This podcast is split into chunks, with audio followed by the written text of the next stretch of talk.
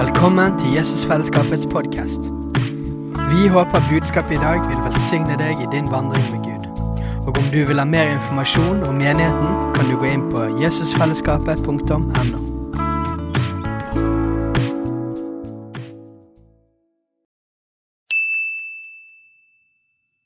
Hei! Visste du at Jesusfellesskapet starter en ny bibelskole til høsten? Den heter Jesusskolen og starter den 3. september. Gå inn på jesusskolen.no for mer informasjon. Kjekt å se ansikter både fra, fra JF og Evangeliekirken. Satt sammen. Ja, veldig kjekt. Um, Haggai. Haggai. Kapittel 2. Vers 4. La meg si før jeg leser det. Um, profetiske ord i Det gamle testamentet og i Det nye testamentet de er jo ord inn til en spesifikk situasjon. Men profetiske ord i Bibelen, og det tror jeg fortsatt gjelder for så vidt i vår tid, profetiske ord i Bibelen har flere lag. Så Det første laget er at det var et ord fra Gud, ord fra Herren, midt inn i den tiden. Men så ser du at veldig mange av profetiene i Det gamle testamentet òg har et lag til som veldig ofte handler om Jesus, det handler om korset. De fleste Messias-profetier er både et ord inn i tiden og et ord inn i framtiden. Men veldig ofte har de én bunn til, en etasje til. Og det er rett og slett et ord inn i vår tid, eller inn i endetiden. Og sammen med alle de tingene, alle de lagene av de profetiske ordene, så er det også sånn at Den hellige ånd han bruker Guds ord, han bruker Bibelen, til å snakke til oss personlig. Så han, han tar ordet opp, og så aktualiserer han det inn i vår tid. sant? Så jeg vet jo det når vi leser dette, at dette er et profetisk ord inn i en spesifikk tid. Men jeg tror òg at det er et ord nå. Jeg tror dette er et profetisk ord for vår tid og til oss akkurat nå. Så Haggai 2, vers 4. Men vær nå frimodig, Serubabel, sier Herren. Vær frimodig, Josva, Jehosadaks sønn, du som er ypperste press. Vær frimodig, alt folk i landet, sier Herren, og arbeid. For jeg er med dere, sier Herren, herskarenes Gud. Det paktens ord jeg gav dere da dere dro ut av Egypt, skal stå fast. Min ånd skal bo iblant dere. Frykt ikke. For så sier Herren, herskarenes Gud, enda en gang, om en liten stund, vil jeg ryste himmelen og jorden, havet og det tørre land. Jeg vil ryste alle folkene, slik at alle folkeslagenes lengsel skal komme. Og jeg vil fylle dette hus med herlighet, sier Herren herskarenes Gud. Sølv er mitt og gullet er mitt, sier Herren herskarenes Gud. Dette siste huset skal få en større herlighet enn det første hadde, sier Herren herskarenes Gud. Og på dette sted vil jeg gi fred, sier Herren herskarenes Gud. Vi skal gå gjennom, gå gjennom hele det ordet der. Men jeg, men jeg begynner midt inni. Jeg vil ryste alle folkene. Vers 7. Jeg vil ryste alle folkene slik at folkeslagenes lengsel, folkenes lengsel skal komme. Og jeg vil fylle dette huset med herlighet. Jeg vil ryste alle folkene. Gjennom menneskets historie så har det gang på gang på gang på gang vært epoker av rysting. Dette er et historisk faktum. Vi har levd Jeg, jeg, jeg ble født i 1981, så de første ni-ti årene av mitt liv så levde jeg under atomkrigtrussel. Men heldigvis fikk jeg det ikke med meg. Halleluja. Jeg har ingen minner av atomfrykten på 80-tallet, men det var ganske nær noen ganger. Og jeg vet at mange voksne på 80-tallet var nervøse for det. Men, men, det er fra da jeg kan liksom begynne å huske ting, um, og få liksom bevisst av ting som skjedde i nyhetene, og sånn, så, var det liksom tiden etter Sovjetunionens fall. Jeg vet ikke hvor mye dere kan om politikk og historie, men det er klart at denne uken her så er det kanskje tid for å oppdatere seg. For nå begynner det å bli få konsekvenser faktisk for vårt liv etter hvert. De tingene som har skjedd geopolitisk og i historien, i nær historie.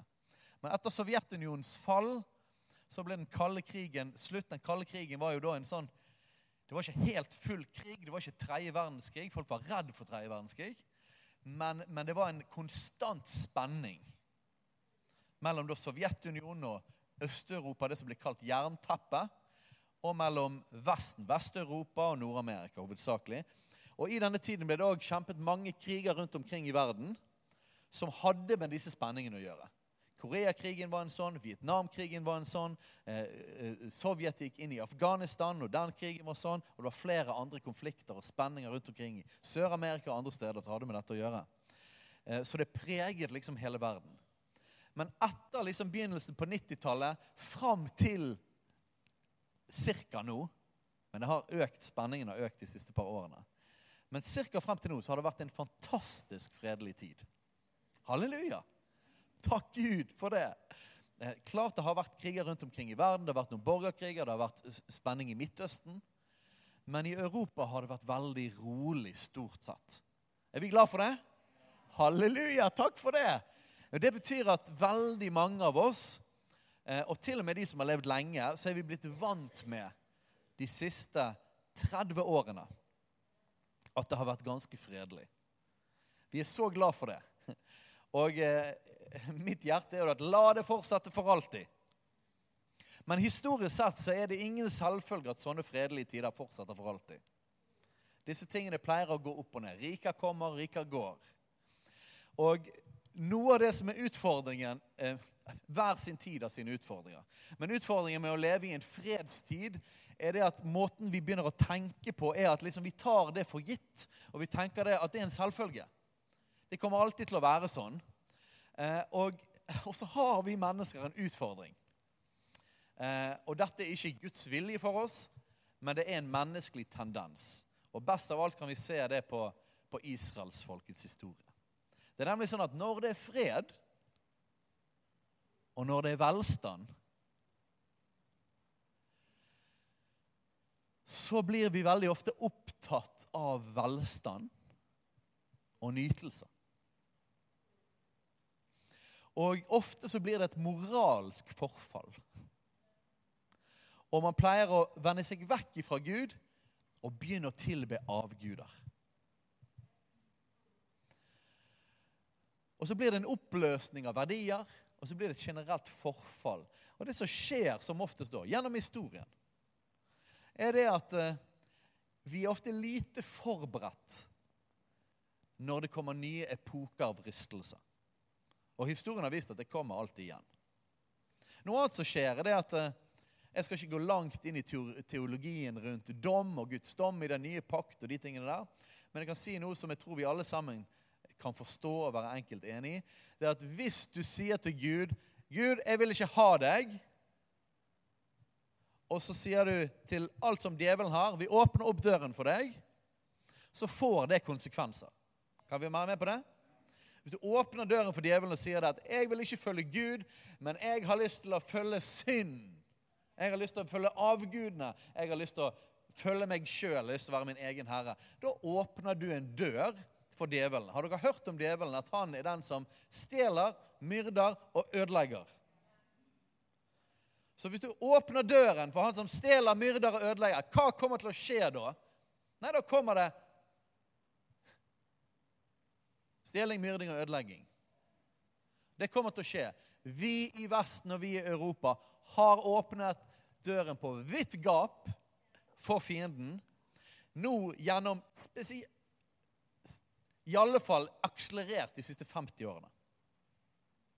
Det skjedde en kulturell revolusjon på slutten av 60-tallet som, som, nå er blitt, blitt hovedkultur, den dominerende kulturen i Europa. Så vi har åpnet opp døren. Og djevelen han benytter anledningen til å stjele, myrde og ødelegge. Jeg vet ikke nøyaktig hva som kommer til å skje de neste ti årene. Men jeg tror jeg kan si med ganske trygghet at vi har begynt å komme inn i en tid der vi begynner å høste konsekvenser av valgene vi har tatt. Vi har begynt å komme inn i en tid der vi begynner å se at fienden har fått så mye rom at det begynner å rystes. Og Her står det i den profetien så står det at 'jeg skal ryste folkeslagene'. Og i Det nye testamentet så er det, det Når vi skal forstå dette med Guds dom, så er det sånn at det er en parallell ting som skjer. Vi åpner opp en dør for djevelen, og djevelen kommer og gjør ting. Guds vilje er jo at vi skal ha det godt. Guds vilje er at vi skal ha velstand, ha fred. ikke det? Men når vi vender oss vekk ifra han, og djevelen får rom inn, så begynner vi å ta konsekvenser. Vi begynner å smake konsekvensene av det. Så skjer det samtidig noe som Gud gjør samtidig. Han dømmer avgudene. Han gjør det. Han avslører avgudene. Han avslører at disse tingene som vi har satt vår lit til, de kan vi ikke sette vår lit til. Og midt inni det som djevelen gjør, så gjør Gud òg noe i hjertene våre. Han vekker. Og Hvis du har lest Israels historie, så ser du at Israel igjen og igjen, etter de har hatt velstand og fred, og de, faller, de går vekk fra Gud, de fjeller avgudene, og så begynner det å bli uro. Så kommer hungersnød, så kommer krig. Og midt inni det så begynner de å vekkes. Har dere lest om dette? Det skjer igjen og igjen og igjen. og igjen. Det er ikke, Gud ønsker ikke krig. Men Gud ønsker at hjertene våre skal vekkes. Han ønsker våre hjerter. Så når disse rystningene skjer, så, så er det akkurat som at djevelen herjer, men Gud òg ryster sitt folk. Og Gud òg avslører avgudene. Vi er i en sånn tid akkurat nå. Jeg tror at 2020-årene er en tid der Gud ryster sin menighet og ryster folkeslagene. For at avgudene skal bli avslørt for det de er. Tomme avguder som ikke kan gi oss det vi egentlig lengter etter. Vi er en tid av avsløring av Vestens avguder. Vi er en tid av å begynne å smake konsekvensene av å åpne opp døren for djevelen. Det betyr, tror jeg Jeg tror dette er et profetisk ord. Så får du prøve det på Guds ord. Får du snakke med Gud og be inn i det. Jeg tror at vi kommer til å oppleve større og større og større rustninger i tiden fremover. Jeg tror ikke det som har skjedd med korona, er bare en litt sånn tilfeldig én ting, og nå går det vekk. Og så kommer dette her. Jeg tror ikke det er en tilfeldighet. Jeg tror det er bølge på bølge på bølge. Det har hatt flere profetiske ord av, av profeter som jeg stoler på om at det vil komme sånne bølger. Og dette er ikke sånn her doom and gloom-profeter. Dette er folk som tror på Guds godhet og Guds kraft. At Gud skal vekke sitt folk og på innhøstning. Men, det, men de profeterer òg om bølger av vanskeligheter som skal komme. Jeg tror at vi er i en sånn tid akkurat nå. Og jeg tror vi må være forberedt. Derfor er det det jeg forkynner om dette. Derfor tror jeg dette passer veldig godt inn i 40 dagers bønn og faste. Og for oss som er så vant, vi bor i et fantastisk land, og vi er så vant med fred, så tror jeg dette, dette tar lang tid for oss å begynne å forstå.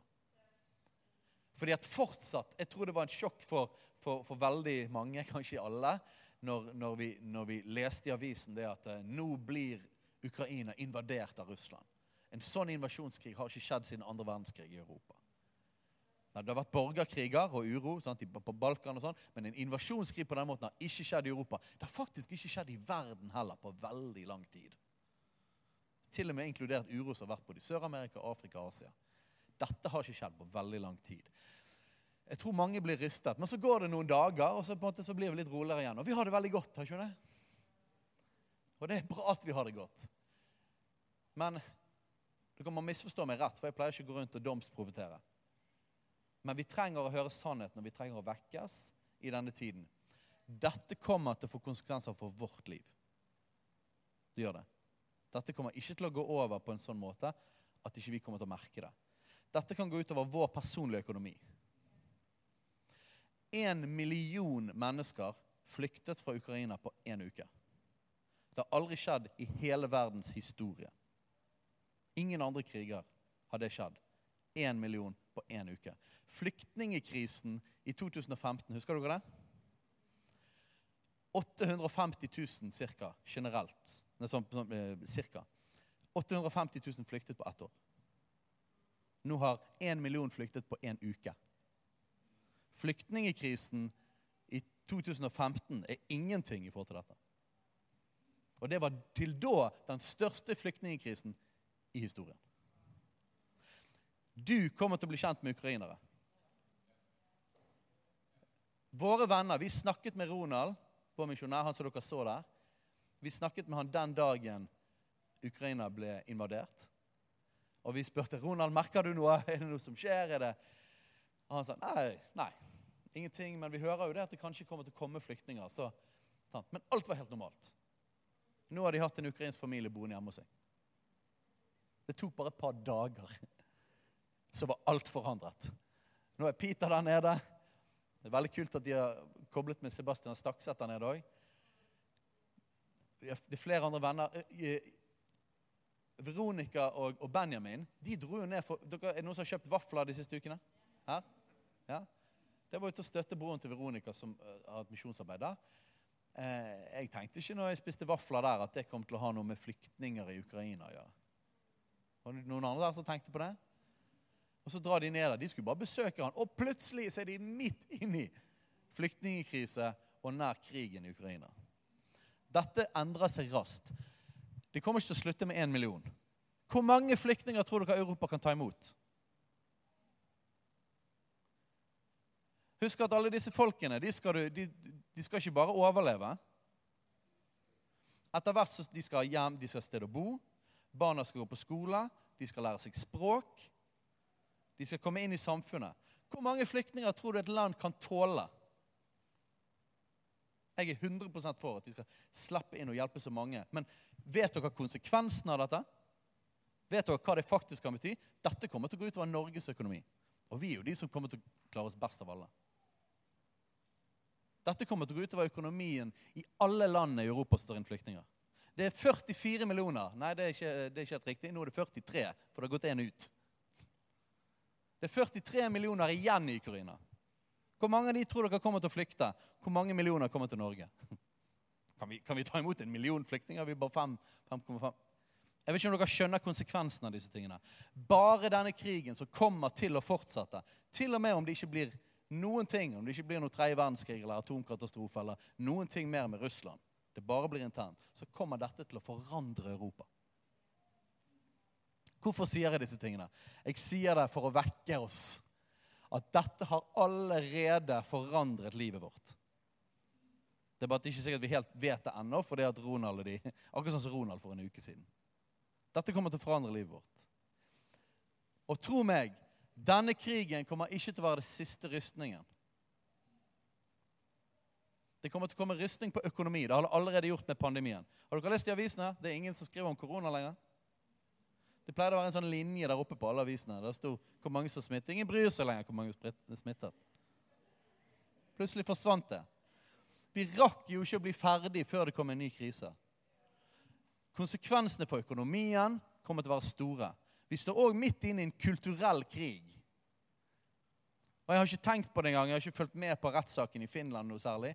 Men det, er en politiker i Finland som, som eh, eh, har en rettssak fordi hun delte et bilde av Romerne 1 der det står om menn som ligger med menn. Og, og måtte, hva Guds ord hva det står i, Guds ord om de tingene. Hun kan bli dømt til to års fengsel. Hvis hun blir det, så kommer det til å få konsekvenser for norsk lovgivning. Det kommer til å komme eksempler på disse tingene i Norge. Det er hatpratlovene. Eh, eh, konverteringsterapiloven har ikke vi engang tenkt på på en stund. Det har vært så mye annet som har skjedd. Dette kommer til å skje samtidig. Jeg har snakket med familien min om risikoen for at jeg kan bli satt i fengsel. For at vi kommer til å forsyne Guds ord. Forfølgelse kommer til å øke. Jeg er helt overbevist om det. Forfølgelse kommer til å øke. Dette tiåret kommer til å forandre det fredelige Europa. Halleluja!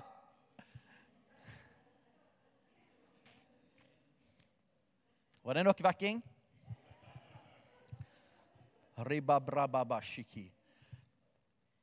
Men Gud har talt til oss om innhøstning. i mange mange år. Jeg har satt et syn for Europa. Jeg har, jeg har satt spesielt unge mennesker komme til tro. Jeg så et syn. Jeg var på en svær, svær sånn uteplass. eh, Svær sånn mark i, i, i Tyskland, utenfor Berlin. Og jeg så tusenvis av unge mennesker. Og Jeg husker var, jeg kunne se de var vestlige, for de hadde sånne her eh, ørepropper og eh, hårsveisen og klærne deres. Det var vestlige ungdommer, men det så ut sånn som en Reinhard Bunke-kampanje i, Afrika. Men det var vestlige ungdommer. Og jeg så det at vi forsynte evangeliet for tusenvis på tusenvis på tusenvis av ungdommer i Europa.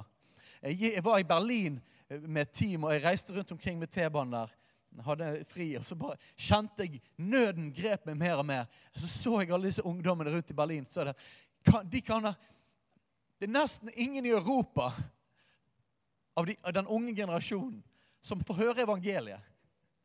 Jeg så tusenvis på tusenvis av ungdommer. Når jeg endte i gråt tilbake igjen til der, der som vi bodde. Og bare, Jeg måtte bare gå rett på kne utenfor der med, med togstasjonen og bare rope til Gud og sa Gud, du må gjøre noe for de unge folkene i Europa. Gud, om det krever hele mitt liv, la meg få lov til å forsyne evangeliet for disse. Jeg har sett vekkelse og innhøstning i Europa. Jeg har ikke, jeg har ikke sett tenkser og atomsprengninger. Jeg har ikke sett det i ånden. Men jeg har hatt en mistanke om at de tingene jeg har sett av vekkelse og innhøstning, at kanskje omstendighetene kommer til å være annerledes.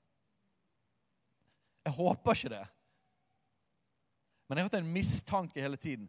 Kan det være at kanskje ikke ting er like fredelig? Jeg tror det er Guds vilje at vi midt i velstand og fred så skal vi finne Han. For himmelen er fred. La ditt rike komme, på jorden som i himmelen. Himmelen er fred. Himmelen er overflod. Sant? Det er Guds vilje for oss. Men jeg vet òg historisk sett at vi mennesker har hatt vanskelig for å respondere på hans kjærlighetskall når det har vært enkelt. Vi har bare hatt vanskelig for det. Så Derfor har jeg hatt en mistanke. Kommer omstendighetene i Europa til å være akkurat sånn som nå? Har jeg tenkt før. Akkurat i fred og velsignelse. Overflod. Kommer det til å være sånn når de tingene, når den innhøstningen kommer? Jeg har hatt en mistanke om det lenge. Etter 2020, etter mars 2020 Det er to år siden nå snart, ikke At uh, nedstengingen kom den torsdagen. Så jeg vært helt overbevist om at omstendighetene kommer ikke til å være like. Jeg er helt overbevist om at innhøstningen vi kommer til å se, tusener på tusener, millioner av mennesker som kommer til tro, det kommer til å være i en omstendighet av rystning. Avgudene blir rystet, folkene blir rystet. Jeg vil ryste alle folkene slik at folkenes lengsel skal komme. Jeg tror jeg er så sikker på det at jeg kan, så sier Herren kan jeg si på det. Dette sier Gud. Han kommer til å ryste folkene. Gud, jeg tror ikke det er Gud som sender krigen. Men i det som skjer, ryster han folkene. Han ryster hjertene. Han ryster folkene, sånn at folkenes lengsel skal komme. Hva lengsel da? Lengselen etter Han. De folkene som har vært raskt inne i Ukraina, har fulgt med den siste uken nå. Sånn som Ben Fitzgerald og teamet for, Awakening Europe. Eh, jeg har sett hva de har skrevet, så, en sånn video som Danny viste meg. Danny, ikke alle som kjenner deg. Vil vinke og si hei. Det er Danny. En som, han er her to uker sammen med meg. Du kan se, se mer til han. Han viste meg en, en video av en fra Awakening Europe som hadde vært på et tog. Toget var fylt av flyktninger. Og så hadde de forsynt evangeliet, og så sa han at this is real revival. Folk gråt i syndenød. Og sånn som jeg forsto det, var det alle på toget tok imot Jesus. Og de har vært raskt inn og forkynne evangeliet. Vi skal ikke bare forkynne evangeliet, vi skal demonstrere evangeliet med Guds kjærlighet. Man skal gi mat, man skal gi husrom, gi av livet sitt. Og nå har vi faktisk folk hos oss som er der nede og faktisk gjør det. Og vi kan være involvert gjennom å gi pengene våre. Så vi skal gi av Guds godhet. Men midt inni det skal vi gi det aller, aller viktigste, som er evangeliet. For på tross av krig, på tross av vanskeligheter, på tross av rystninger, så fins det noe som står fast for alltid. Og det er personen Jesus. Det er Jesu døde oppstandelse. Det er det viktigste behovet til enhver person som kommer ut fra Ukraina. akkurat som resten av Europa. Ikke det? Dette er allerede den siste uken så har det mest sannsynlig blitt flere folk frelst i Europa pga. det her enn det har på lang, lang, lang tid i Europa. Vi er allerede gått inn i både en tid av rystning og innhøstning. Våkne opp, folkens! Vi trenger å være med på dette.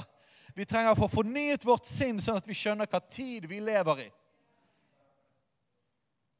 Dette er en veldig god tid å be og faste, sånn at vi kan ha våre hjerter på plass. Sånn at vi kan være forberedt, så vi kan vite hva Gud kaller oss til å si til oss. Han vil ryste alle folkene slik at folkenes lengsel skal komme. Og jeg vil fylle dette hus med herlighet, sier Herren, at Skanes Gud. Dette var om Serubabels tempel. Men det er òg et løfte om den nye pakt. Den nye menighet, Guds menighet. Herligheten. Jeg kan lese det òg. Dette siste huset skal få en større herlighet enn det første hadde, sier Herren av Skarnes Gud. Dette er en profeti til det tempelet som var, som var det andre tempelet. Men det er òg en profeti om den nye pakt, om at Guds folk som Guds tempel skal få en større herlighet enn tidligere. Men jeg tror òg det er en profeti til endetiden og jeg vet ikke nøyaktig hvordan det er. Bibelen sier, Det nye testamentet sier at vi er i endetiden. Ok? Så akkurat mer detaljer enn det kan ikke jeg gi dere. ok? Men vi er i denne tiden.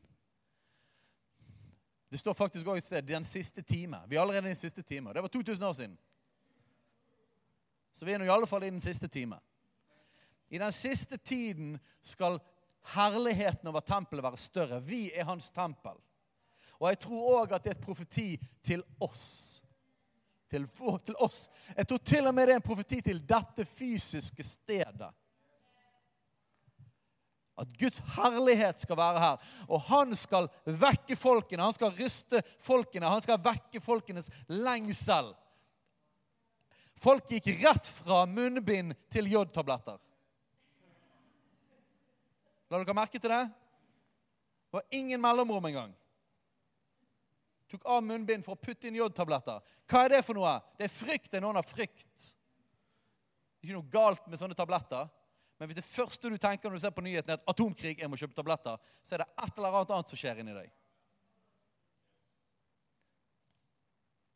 Mange er redde fordi at vi blir ristet ut av den freden vi har hatt i omstendighetene våre. Og her er kjernen av budskapet mitt i dag. Og dette er det aller, aller, aller viktigste, helt på tross av hva som kommer til å skje rundt oss. Hvor er vår fred hen? Er vår fred basert på at vi har levd i en fredstid, eller er det basert på fredsfyrsten? Vi kommer til å bli tastet på dette i årene fremover. Vær ikke overrasket om det som vi har satt vår lit til, oljefondet, kan bli rystet. Jeg tror nesten ikke det, for det er nesten så jeg tror mer på oljefondet enn Gud. Jeg gjør ikke det, altså. Men jeg tror nordmenn kan det er fordi at Nesten uansett hva som skjer, så blir ikke norsk økonomi ristet noe særlig. Vær ikke for sikker på det. For at vårt, står vårt håp til det norske økonomisystemet. Har det vært noen ting som har kunnet være bygget med menneskehender, som har kunnet gi det samme som Gud gir? Nei, det går ikke an. Vær ikke overrasket om norsk økonomi kommer til å få sterke ristninger. Halleluja! Vær ikke overrasket om det vil komme nye bølger av sykdom. Kanskje verre ting. Vær ikke overrasket om, om det som har med krig å gjøre, vil komme nærmere oss. Hvorfor det? Det fins ingen garantier i historien på at vi er fritatt for de tingene der. Men uansett hva som skjer, jeg håper det blir fredelig og bra. ok? Uansett hva som skjer. Hva er det vi bygger livet på? Og Da vil jeg gå til begynnelsen av det verset igjen. I det, i det stedet. Vær nå frimodig.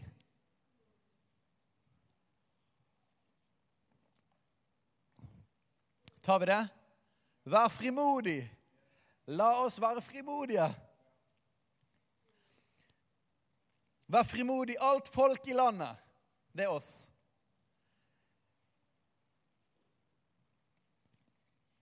Vær frimodig, alt folk i landet, sier Herren, og arbeid. Høsten er stor, arbeiderne få.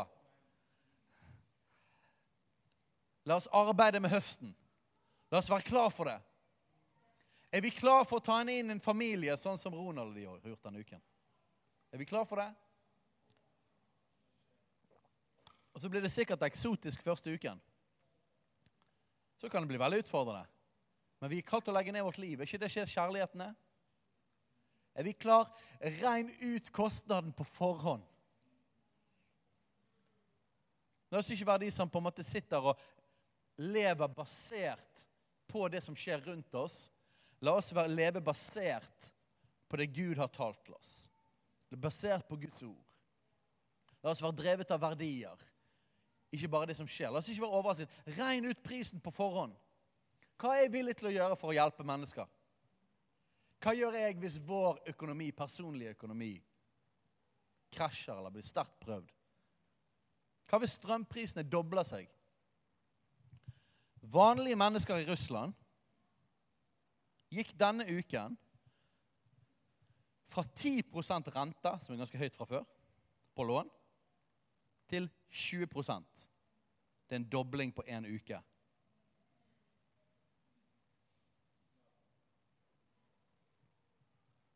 Og mye mer ting skjer i Russland. Ting kan skje kjapt. Er vi forberedt på det? Hvem er det som var forsørger, da? Det norske sosialdemokratiet?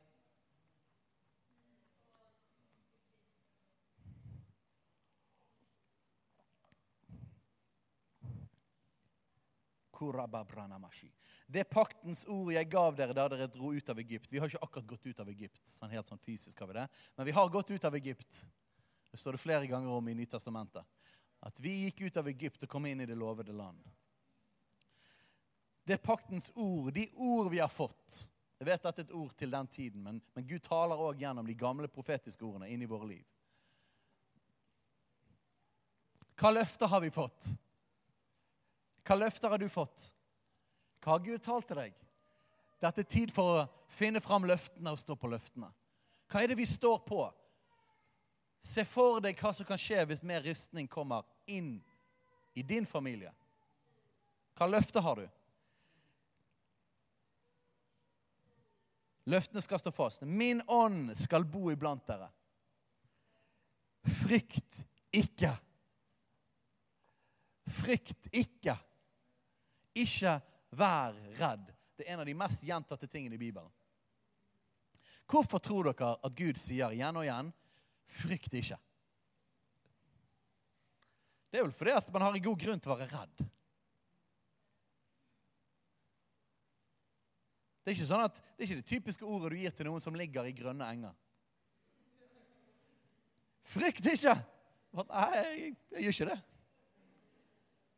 Frykt ikke blir alltid sagt når de hadde en god grunn til å frykte. Frykt ikke. Det kommer rystninger. Vi er i rystninger. Men ikke vær redd. Ikke vær redd. Å, dette er en av de viktigste løftene til Guds folk gjennom tiden.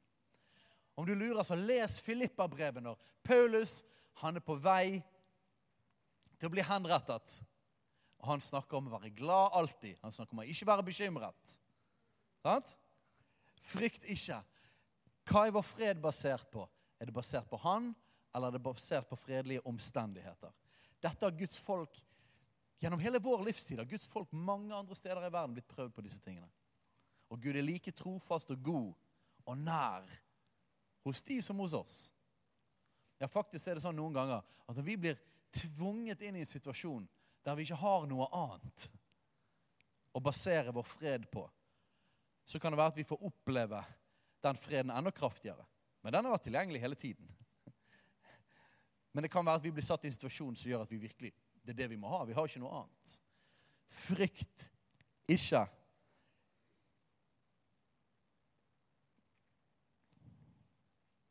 leser jeg det om igjen. For så sier Herren Asranes Gud, enda en gang om en liten stund vil jeg ryste himmelen og jorden og havet og det tørre land.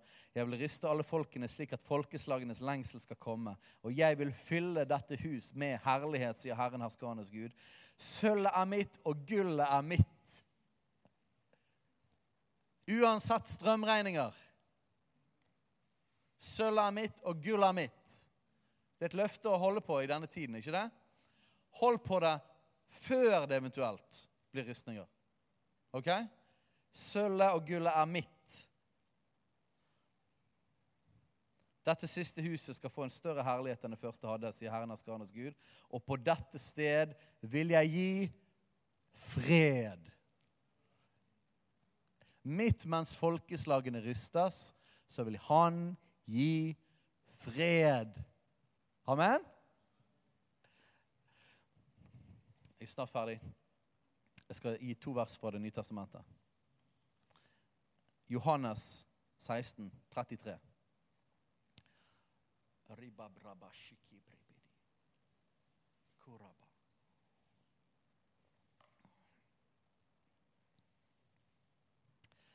Johannes 16, 33. Halleluja. Dette har jeg talt til dere. Dette er Jesus som sier. Dette har jeg talt til dere for at dere skal ha fred i meg. I verden har dere trengsel. Han bare slår det fast, OK? I verden har dere trengsel. Den kan gå litt opp og ned hvor kraftig den er. I verden har dere trengsel. Men vær frimodige. Så det stemmer overens med den andre profetien, jo ikke det? Vær frimodige. Jeg har overvunnet verden. Jeg har overvunnet verden. Vær frimodige. Jeg har overvunnet verden. Amen. Vet dere at alle de han sa dette til, utenom Johannes, kom til å dø martyrdøden? Halleluja. De prøvde med Johannes, men de klarte ikke å drepe han. Tradisjonen sier det at de prøvde å koke han i olje, men han døde ikke. Så han ble forsøkt drept, han òg. Alle de han snakker om. Dere skal ha fred i meg. De kom til å dø for Jesus, alle sammen. Fred i meg. I verden har dere trengsler, men vær frimodige. Jeg har overvunnet verden. Vårt rike er ikke av denne verden, er det? Jesus sa det. at Jeg kunne, jeg kunne bedt min far og jeg kunne sendt eh, husker ikke hvor mange det var, en haug med legioner med engler. Jeg regnet sammen en gang. Det husker jeg. Det var 75 000 engler. altså.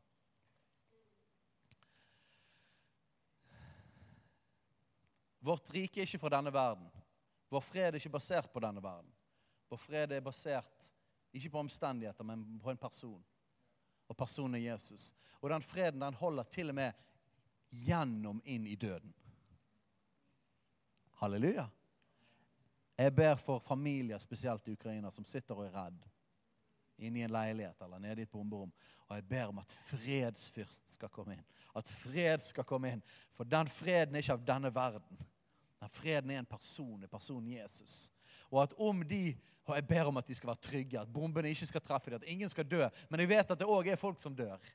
Men freden Freden Du kan være i fred, og du kan ha fred til du dør.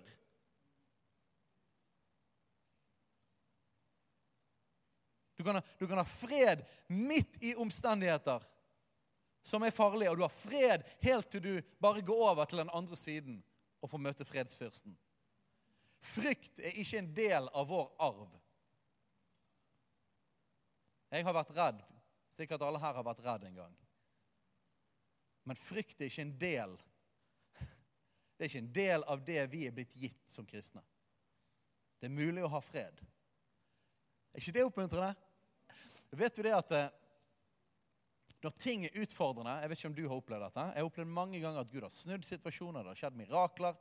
Eh, det har virkelig bare gjennombrudd har skjedd. Hun opplevd det så mange ganger. Men det interessante er at det er ikke når gjennombruddet skjer, som er det avgjørende øyeblikket. Det avgjørende øyeblikket er når jeg kommer, jeg er redd, jeg er bekymret, jeg kommer til Gud, jeg søker Han, og midt i Midt i min, min frykt og min redsel så bare merker jeg at han kommer. Og så gir han meg fred. Og fra da av så er det egentlig over.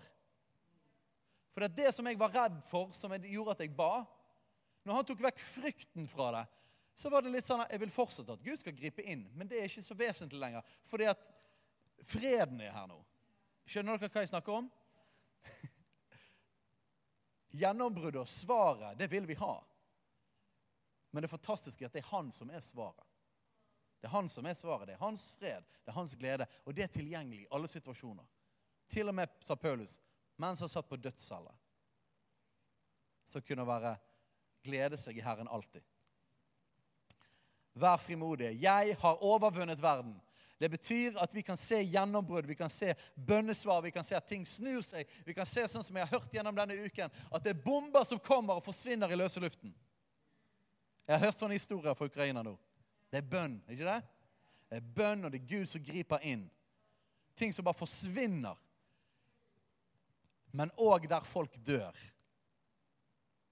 kan Guds fred treffe dem. Skjønner dere hva jeg snakker om? Dette er måten vi vil leve på. Vi går for mirakler, men uavhengig av det så vil vi leve i Han. Om det betyr døden eller det betyr liv. Han er den vi lever for. Siste vers fra Nytestamentet.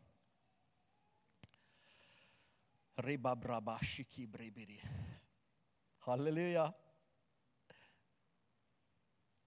Dette er gode vers i trengselstid og i ristninger. Romerbrevet, kapittel 8, vers 35.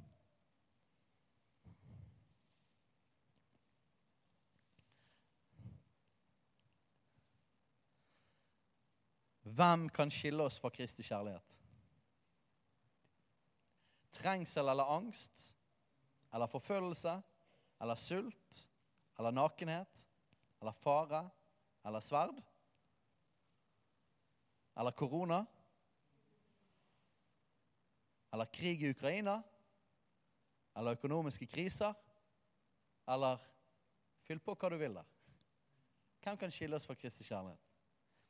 Som skrevet står, for din skyld drepes vi hele dagen, vil bli regnet som slaktefår. Ja, det var da voldsomt midt inni der. Men i alt dette, hva i alt dette? Midt i trengsel, angst, forfølgelse, sult, nakenhet, fare, sverd, drepes hele dagen. Midt i det. Midt, men i alt dette vinner vi mer enn seier ved Han, ham som elsket oss. I verden har dere trengsel, men vær frimodige. Jeg har overvunnet verden. Ser dere det? Det er det samme? I alt dette vinner vi mer enn seier. Jeg vet ikke hva mer enn seier er, men det høres bra ut. Seier and beyond. Ved Ham som elsket oss. Det er nøkkelen, ikke det?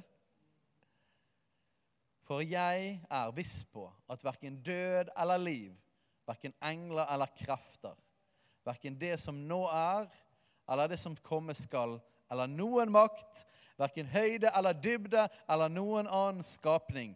Dette er en heftig måte å si. Det fins absolutt ingenting. Ingenting negativt. Ingen, ingenting. Absolutt ingenting. Det fins ingenting som skal kunne skille oss fra Guds kjærlighet i Kristus Jesus, vår Herre. Så frimodighet, fred, glede, kjærlighet det er det vi har.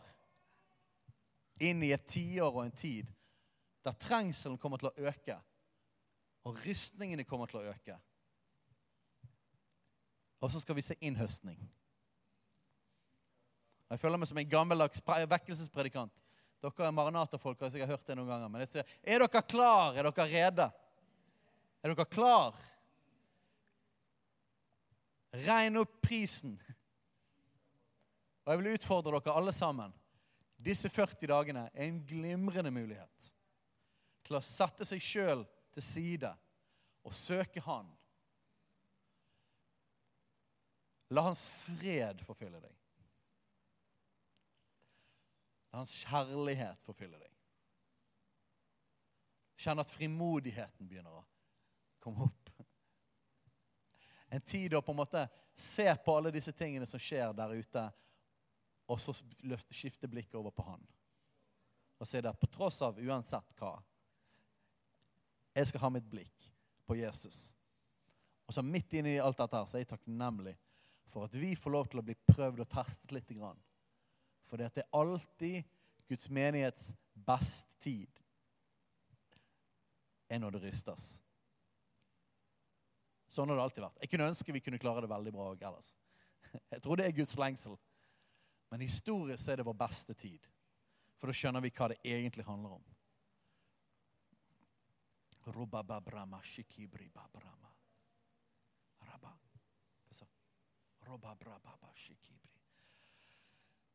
Jeg utfordrer dere alle sammen. Ta denne tiden i 40 dager. Spør Gud hva kan jeg faste fra i 40 dager. En eller annen type mat. Hvis noen vil faste fra mat bare på vann i 40 dager, gjør gjerne det. Eller ta en uke eller ta noen dager. Men, men faste fra noe i 40 dager. Sett noe til side for å bare komme enda tettere, enda nærmere Han. Noen av de tingene som vi fyller oss med, som ikke er nødvendigvis galt. Det kan være positive ting, men det kan likevel ta mye av plassen for oss. Sett det til side. Jeg skal begynne, har begynt i dag når jeg slettet alle nyhetsappene. Jeg er en nyhetsjunkie.